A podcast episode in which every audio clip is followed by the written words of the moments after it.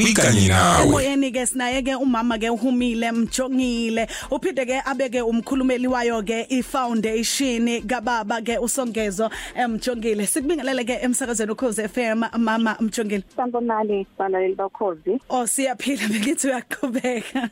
Siyabonga kakhulu ukuthi ke ma sithola ithuba lokuthi ke sikhulume nawe ke namhlanje. Ikakhulukazi ke ngoba sikhuluma ke udaba ke olubalulekile eh lwe foundation kababa ke usongezo emjongile. Ngithi ke mangaphosisi uye wadlula emhlabeni ngenxa yaso ke isifo somdlalo uvuza lo wecolon. Ungakusibeke nje esithombeni kuqala ngokuthi uyini wona eh, lo mdlavuza sikhuluma ngawo namhlanje. Okay. Usongozo mjongile ngokumyeni wami eh ngokumuntu owaziwayo kakhulu emphakathini eh kwi-MC nasemabhizinisi kumuntu bathandekile kakhulu eh ahloniphekile bamhlonipha kakhulu nasemphakathini eh kwaba nenhliziyo ethi nasi yabafuna kakhulu ukuthi ashiye la emhlabeni eh ngenxa yomdlavuza wesifo eh sonke waqala ukugula uku 2020 um April. Ilapho bese sathola ukuthi unomdlavuza wesifo eh ngaso isikhathi leso bese ku late kakhulu uthi siyazi by time sithola it was already on stage 4 Mhm. so njoba siqale le foundation bese simisela ukuthi sokwazi ukufundisa abantu bakwazi ukuyithola senesikhathi Mhm. eh kwi early stages khona ukuthi abantu bangalahlekelwa imindeni yabo nalabo abathandayo ngenxa yomdlavuza.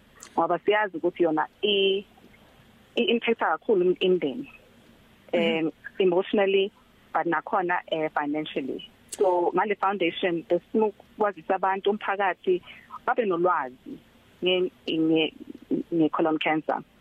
Kakhulu amadoda. Mhlambe ukukhanyisela nje umlaleli eqala ukuthi ke mhlambe iziphi izimpawu ongabona ngazo ke ukuthi ngempela ngathi ke mhlambe uyafufusa noma usukhona lo mdlavuza wesisu?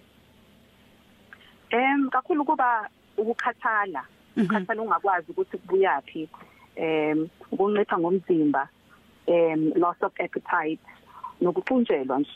Noma uya endlini engesese uthola ukuthi sophuma maybe igazi em izo izinto ozozibona ukuthi unama symptoms em em ecolon cancer. So abantu nje kubalekile ukuthi basheshe ba bancophe zonke lezi lezi before eh kufika ku stage 4 into that's the reason why si yeah sesaqala i foundation yaka sonke Mhlawumbe njengoba ngizwa ukhuluma uthi ikakhulukazi abantu besilisa yindaba uemphasize kakhulu ukuthi kakhulukazi bona. Njengoba nami ngiye ngaya kule journey le indoda yami lokhu igula ngaqala nami ukufundisa yebo. Ngawo umdlabo besisi and abodokotela abaningi bathi yazi iyamangaza lento ngoba kakhulu secala amanani aqala ukukhuphuka emndenini yethu abantu abamnyama. Mhm. And abantu abanyama abanalwazi kakhulu ngalumdlabo besisi baphinda bacabanga izinto eziningi so lama i think nakhona even the lifestyle changes mm. that thina esiba nawo eh ukuthi si si sine access to imali sakwazi ukuthenga ukudla okuthize okumnandi sithine nasingazinakekeli um i health yethu. So these numbers the increase in numbers is the fact that abantu abaningi or thina abantu abamnyama we have access to imali and siyakwazi ukuphila impilo engconywana. So ke manje certain things in our bodies start to to change you know because of the food that we're eating. Mm -hmm. so ukufundisa abantu kakhulu ukudla ukubele sikudle ukuzinakekela eh ngomzimba nawe ukuthi sokwazi ukuthi sinciphise amanani eh colon cancer kakhulu emadodeni. Ngoba kakhulu futhi bona iba abantu abanganaki noma ngabe bayagula bayithatha kancane. Bathi hayi ngizophinde ngiphone ngiphathe ipanado ngizaphola but ukubalekile ukuthi mase uqala ukubona lawo ma symptoms emqede kwachaza ubale uhambe uye kudokotela azokwazi ukuyenza i-screening direct to abo doctor abazokwazi ukuncedisa. Sokwazi ukuthi ba detect early um preferably in the early stage of stage 1 to 3 mm -hmm. stage 1 to 2 izokwazi ukuthitheka ke. Okay. Siyazi eh, mama umjongile ukuthi ena ngokujwayelekile vele abantu besifazana abenza lezi zinto zoma check ups isikhathi siningi sebeka dokotela ukuncane baya dokotela. Kodwa abantu besilisa bona abavamile ukwenza kanjalo. Kodwa wena ohambeni obenalo eh nomyeni wakho esegula ngiyazi ukuthi ke kuningi eh okufundile. Ungake nje ushare nathi izinto oyifundile noyibonile mhlawumbe namazi ongaluleka ngawo nje eh abantu besilisa ekuthenini ke basukumele izinto noma aba abazizwayo noma eziwumehluko abayizwayo emzimbeni noma egazini eh kubaleka kakhulu lokho yazi ukuthi njengabantu abamnyama mhm. ukuthi sikwazi nathi ukuthi masibona ama ama symptoms afana afana la ukuthi uqunjelwe em isisu siqini ngesinye isikhathi ungazi ukuqiniswa yini mhm. usheshe uconsulting nabodokotela baseduzane ngoba thina njengabantu abamnyama siphinde singaziboni isidingo sokuthi simele siye kwabodokta mhm so through the foundation sina educate kakhulu amadoda ukuthi nathi izinto kumele nisixazulule likwazi ukuzibona before sokwazi ukuthi sincedise sincedise to to to treat i cancer. Um especially kakhulu um the disadvantaged communities abantu abangenalwazi at all. Eh about umdlavuza nokuthi uyakwazi umuntu uyakwazi ukuthola uncedo. So yiyo le isithathenze ukuthi mina ngikwazi ukuqala le foundation ukuthi uzokwazi ukunceda ukunceda umphakathi kakhulu abantu abamnyama abangena the means to ukuncedeka nge nge cancer. Ukwazi ba through support through awareness as well. Ukuthi bazokwazi ukwazi ukuthi xa manginama signs aso ngiyenzani ngiyakuphi? Ngoba khona abantu abangazi ukuthi kumele baqalephi mm.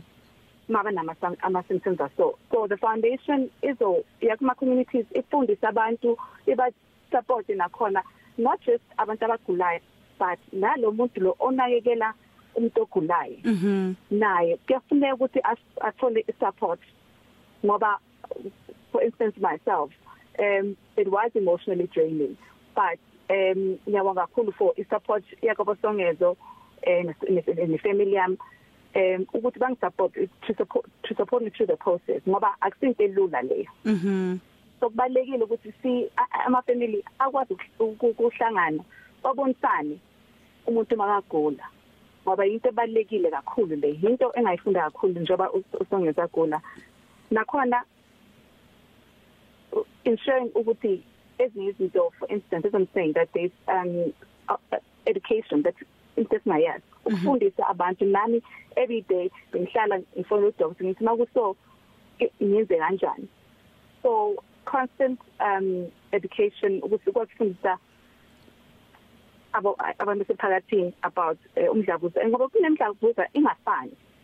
So so focus kwamanje kule yesizwe but we want to branch out focus nekwenye indlavuza futhi e affecta thina abantu abanyama so kwa okay. support abantu senza ama screening tests mm -hmm. and testings as well um kuma interacting yethu Okay.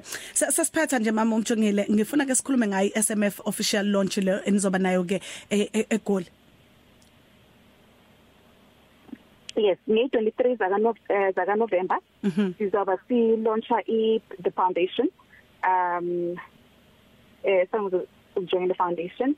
And lokhu nje ukukhumbula usongeza njengoba simazi usongeza was ukumuntu othanda abantu othanda eh othandekayo othanda njalo afuna ukubona abantu bajabule ngaso isikhathi. So so basikhumbula yena ngaleli langa ngalosuku lolu futhi kakhulu besifuna ukuba sidayisa amatafula khona ukuthi ukwazi ukuraise imali eh for ama projects ama initiatives esifuna ukwayenza njenge foundation um across the country. So besifasa ama abasoma business ukuthi bazosincedisa nabo bathenga amatafule. Okay. Eh bazokwazi ukuthi le sokwazi ukuthi nathi le nto samuyenza ikwazi ukufezeka. Angeke sikwazi ukuyenza sodwa.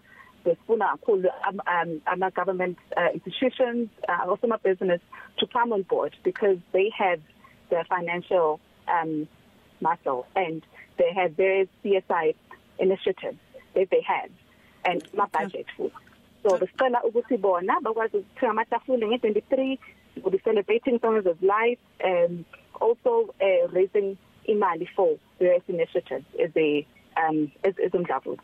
Okay. Nitholakala phi ke mama umjongile We have a we have a website um uh ESNF www.samsungjoynerfoundation.co.za sikhona ku social platforms i-Instagram um also Samsung Journey foundation.co.za and um the, the Twitter, Facebook and Instagram. So you can find, find us on all those platforms and also if they want um to get more information they can contact me on my number. Okay. Siyabonga kakhulu mama umjongile. Bonge mina kakhulu.